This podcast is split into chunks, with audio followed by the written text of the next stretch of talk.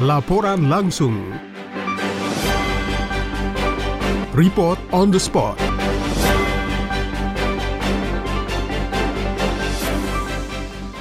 Komisi 3 DPR RI melakukan kunjungan kerja spesifik ke Provinsi Sulawesi Selatan dalam rangka pengawasan terhadap kinerja aparat kepolisian daerah Sulawesi Selatan terhadap berbagai kasus yang menjadi perhatian publik. Dalam pertemuan yang digelar di Markas Polda Sulawesi Selatan, dibahas sejumlah kasus yang mencuat, di antaranya kasus peredaran narkoba, tindak pidana perdagangan orang, pelanggaran kode etik aparat, dan fenomena no viral, no justice. Pengungkapan kelompok pengedar narkoba di kampus Universitas Negeri Makassar dan penemuan barang bukti berupa berbagai jenis narkoba dan berangkas yang tertanam di dalam lantai kampus UNM mendapat apresiasi anggota Komisi 3 DPR RI, mengingat kampus adalah wilayah yang memiliki otonomi tersendiri. Ketua Tim Kunjungan Spesifik Komisi 3 DPR RI ke Provinsi Sulawesi Selatan, Habibur Rohman mengatakan penemuan jaringan narkoba di dalam kampus ini perlu menjadi perhatian semua pihak, mengingat kini jaringan narkoba sudah sudah masuk ke dalam institusi pendidikan tinggi. Ya, kalau penanganan narkoba kan sudah berjalan ya. Hukum ini sudah berjalan, kami mengapresiasi bisa membongkar lokasi penyembunyian yang demikian sulit dijangkau. Karena kampus kan ada otonomi kampus, nggak gampang orang masuk, tapi Polri bisa mengendus,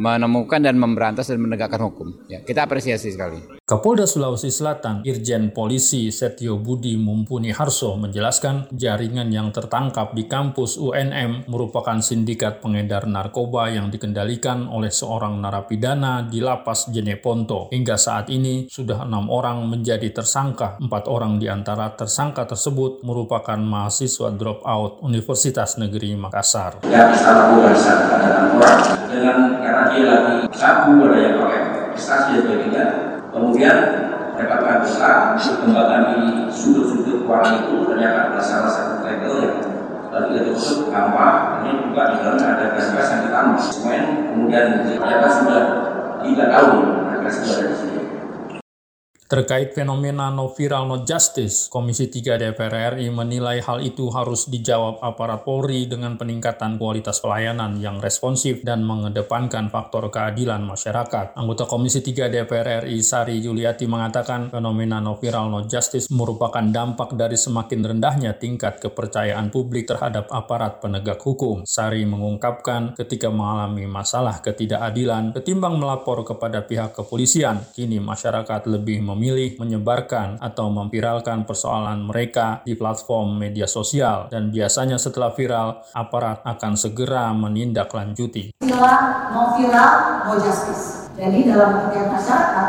kalau kita punya persoalan, kalau kita punya masalah, lebih baik kita viralkan dulu daripada kita lapor ke yang berwenang. Nah, bagaimana Bapak menyikapi ini? Karena semakin hari masyarakat semakin mempercayai itu, no viral, no justice. Jadi kita lebih baik memviralkan di media-media sosial untuk bisa mendapatkan attention dari masyarakat sehingga ada pressure dari masyarakat untuk aparat penegak hukum sehingga aparat menjadi gerah untuk tidak tidak lanjuti.